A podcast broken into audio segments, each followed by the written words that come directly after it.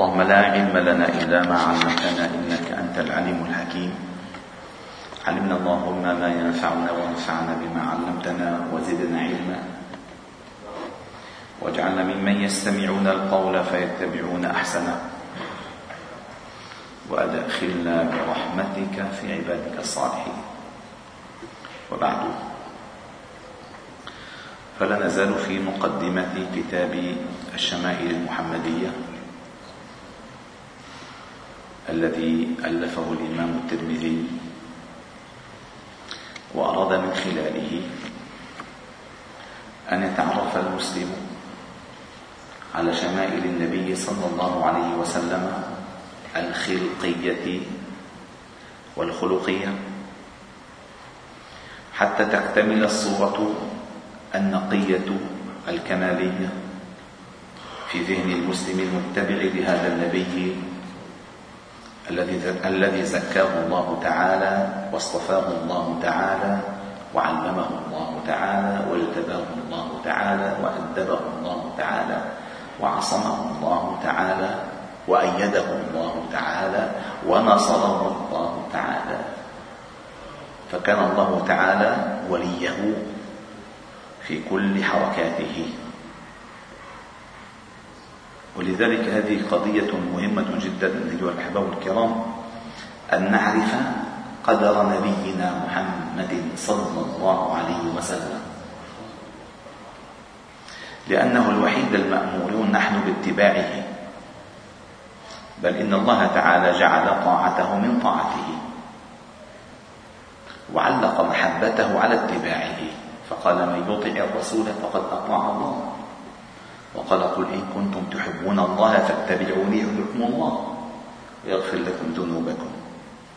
هذه قضايا مهمة جدا لأنك إذا تكونت عندك الصورة الكاملة عن إسوتك أو أسوتك تشكلت فهمت ما معنى الأسوة يعني القدوة. أنت تتعلم لتغترف يعني قالوا تعرف لتغرف فإذا ما عرفت وما غرفت فما عرفت. هي مثلا سألني الرجل أنا عطشان كثير وأنا المي قال له هونيك سبيل المي حتى يشرب شو بده يعمل؟ بيغرف فإذا راح قال لي هنا المي شكرا. وده المشي. المعرفة المعرفة بغير مغرفة لا تنفع. تعرف لتغرف فإذا عرفت وصلت. لذلك النبي صلى الله عليه وسلم كان هو هو المادة الكاملة في المعرفة الإلهية. الإلهية. وكان الوعاء الكامل في العلم الرباني. يعني لا يتجاوز أحد لا إناءه ولا قدره. أبدا. بل بل إن الجنة لن يدخلها أحد حتى يفتح هو بابها صلى الله عليه وسلم. ما في وذكرنا ذلك في الدرس الماضي أنه هو إمام الرسل وسيد الأنبياء مع أنه آخر الرسل وخاتم الأنبياء. هذه بحد نفسها إعجاز يعني هو بالعرض الأول كله تبع لأبوه.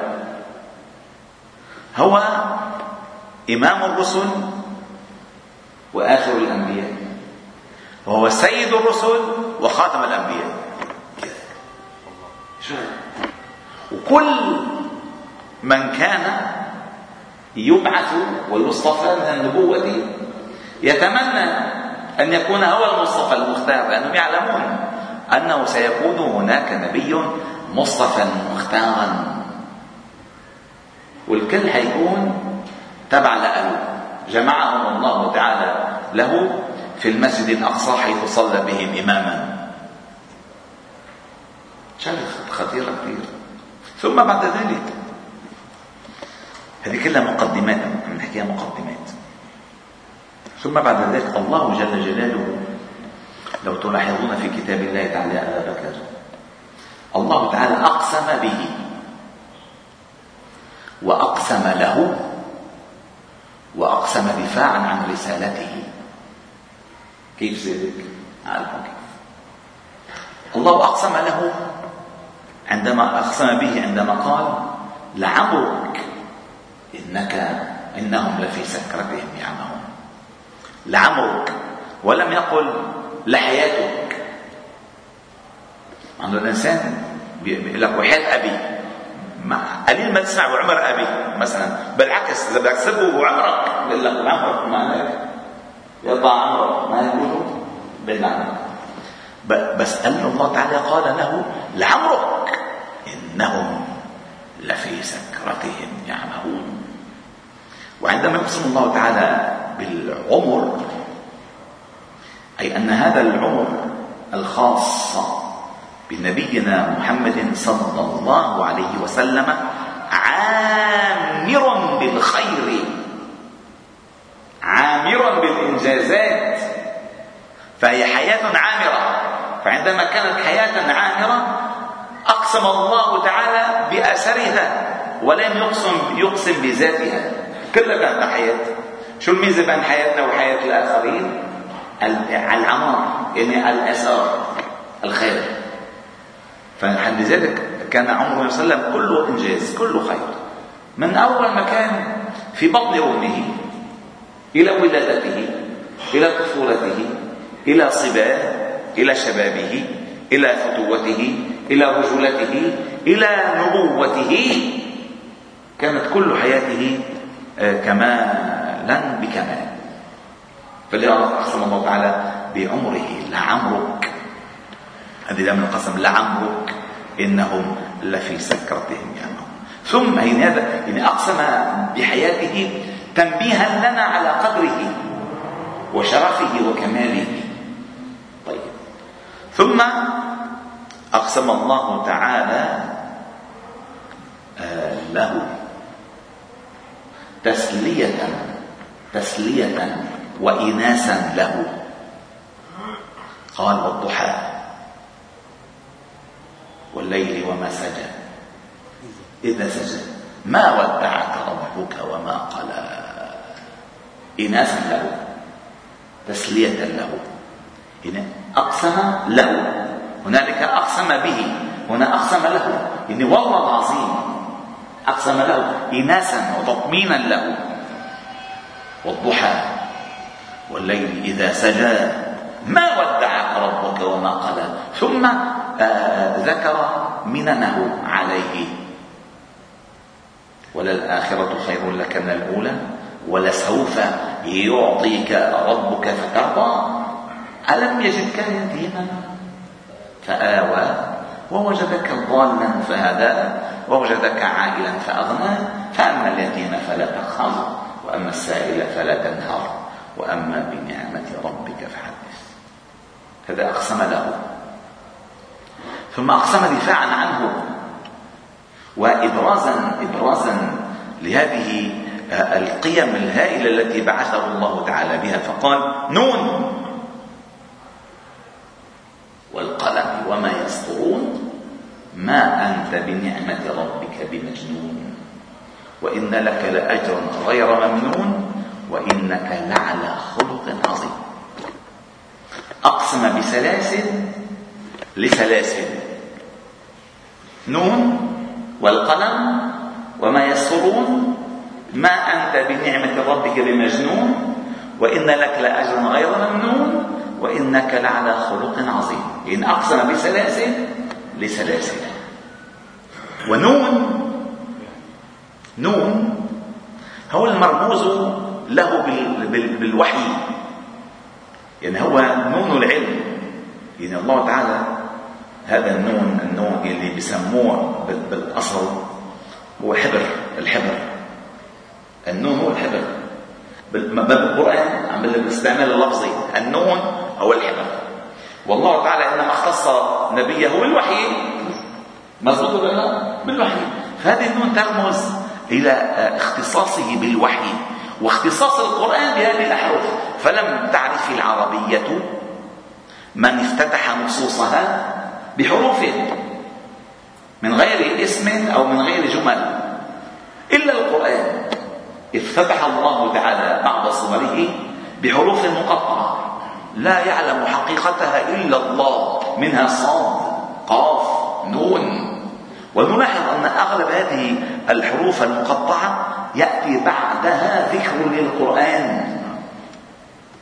قاف والقرآن المجيد صاد والقرآن ذي ذكر. هنا نون إذا هي وحي. نون. طيب هذا هذا الأصل الماده أصل الماده النون.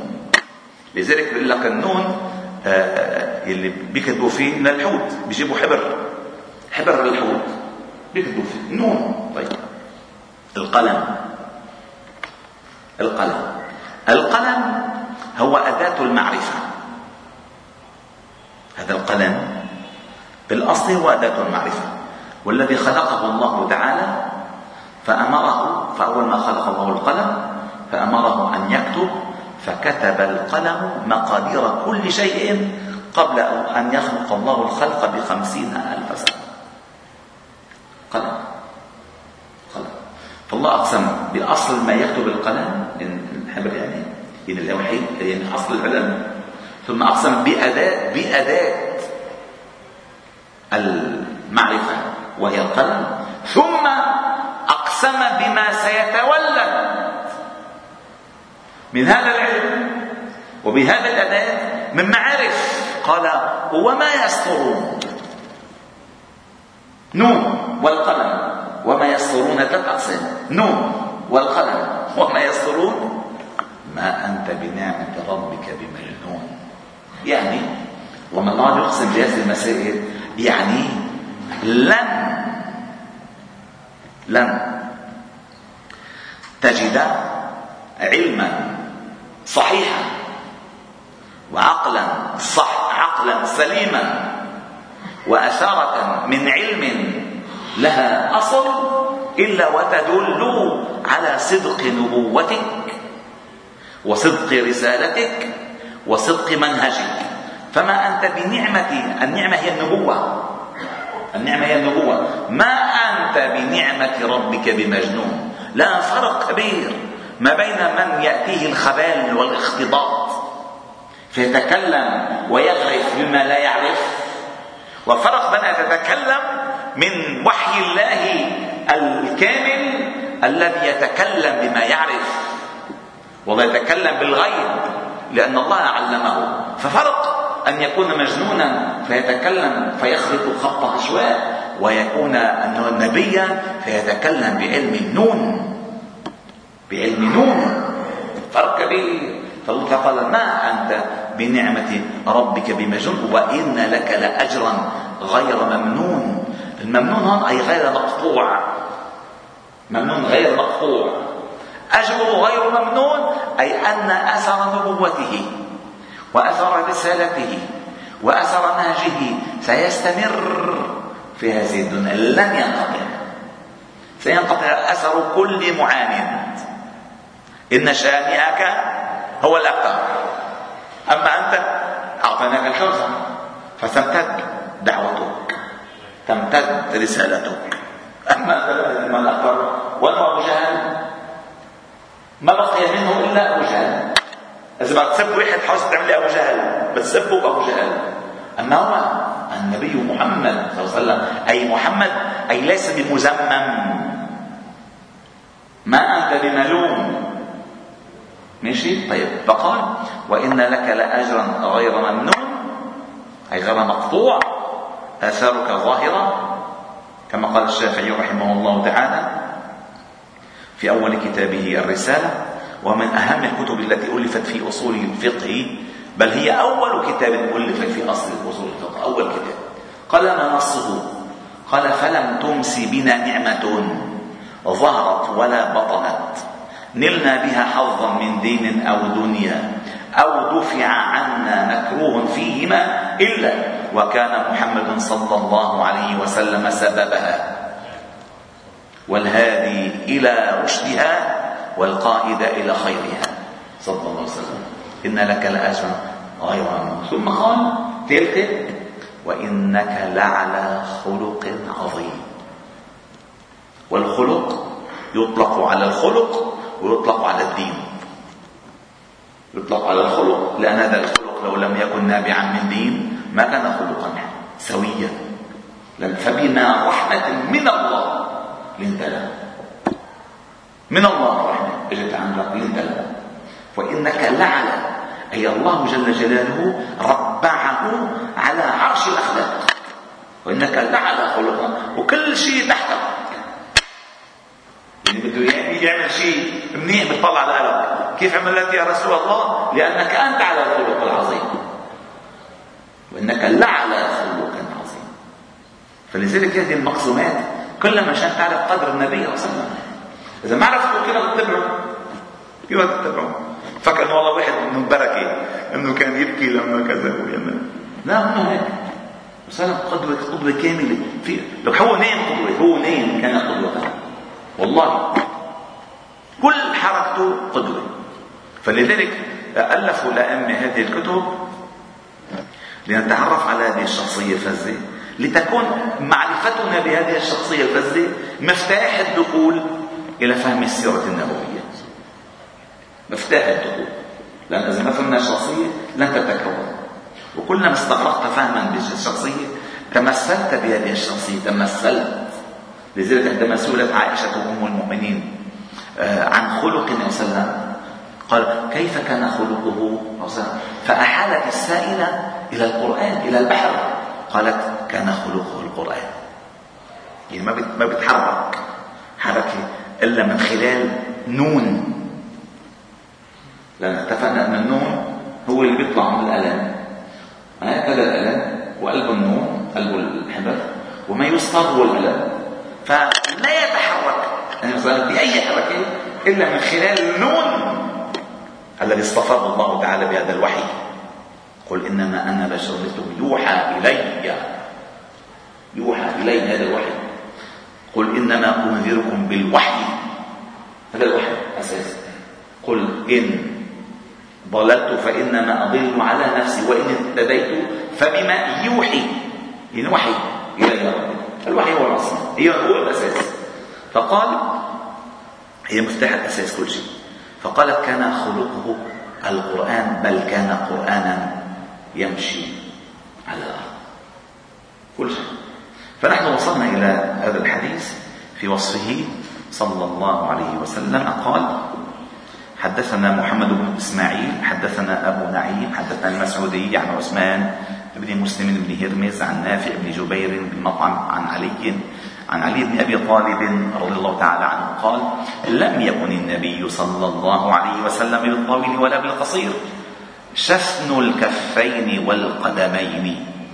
أي من نرى يعني آه مثلين إذا كفين والقدمين إذا مثلين من نرى شسن شسن الكفين والقدمين ضخم الرأس وضخم الكراديس يعني آه، عظم ظاهر.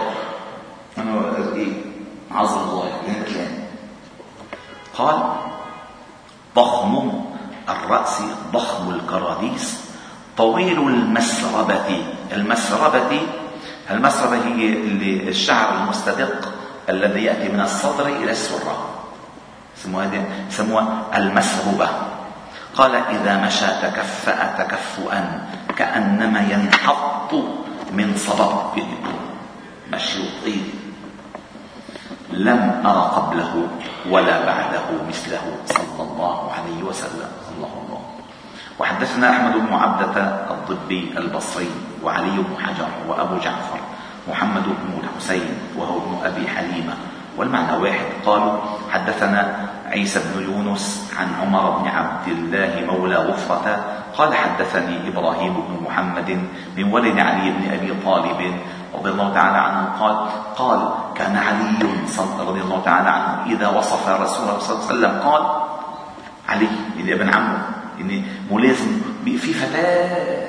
قال كان علي إذا وصف النبي صلى الله عليه وسلم قال لم يكن رسول الله صلى الله عليه وسلم بالطويل الممغط ولا بالقصير المتردد كان ربعة من القوم. لم يكن بالجعد القطط ولا بالسبط كان جعدا رجلا. رجلا أي شعره ظاهر.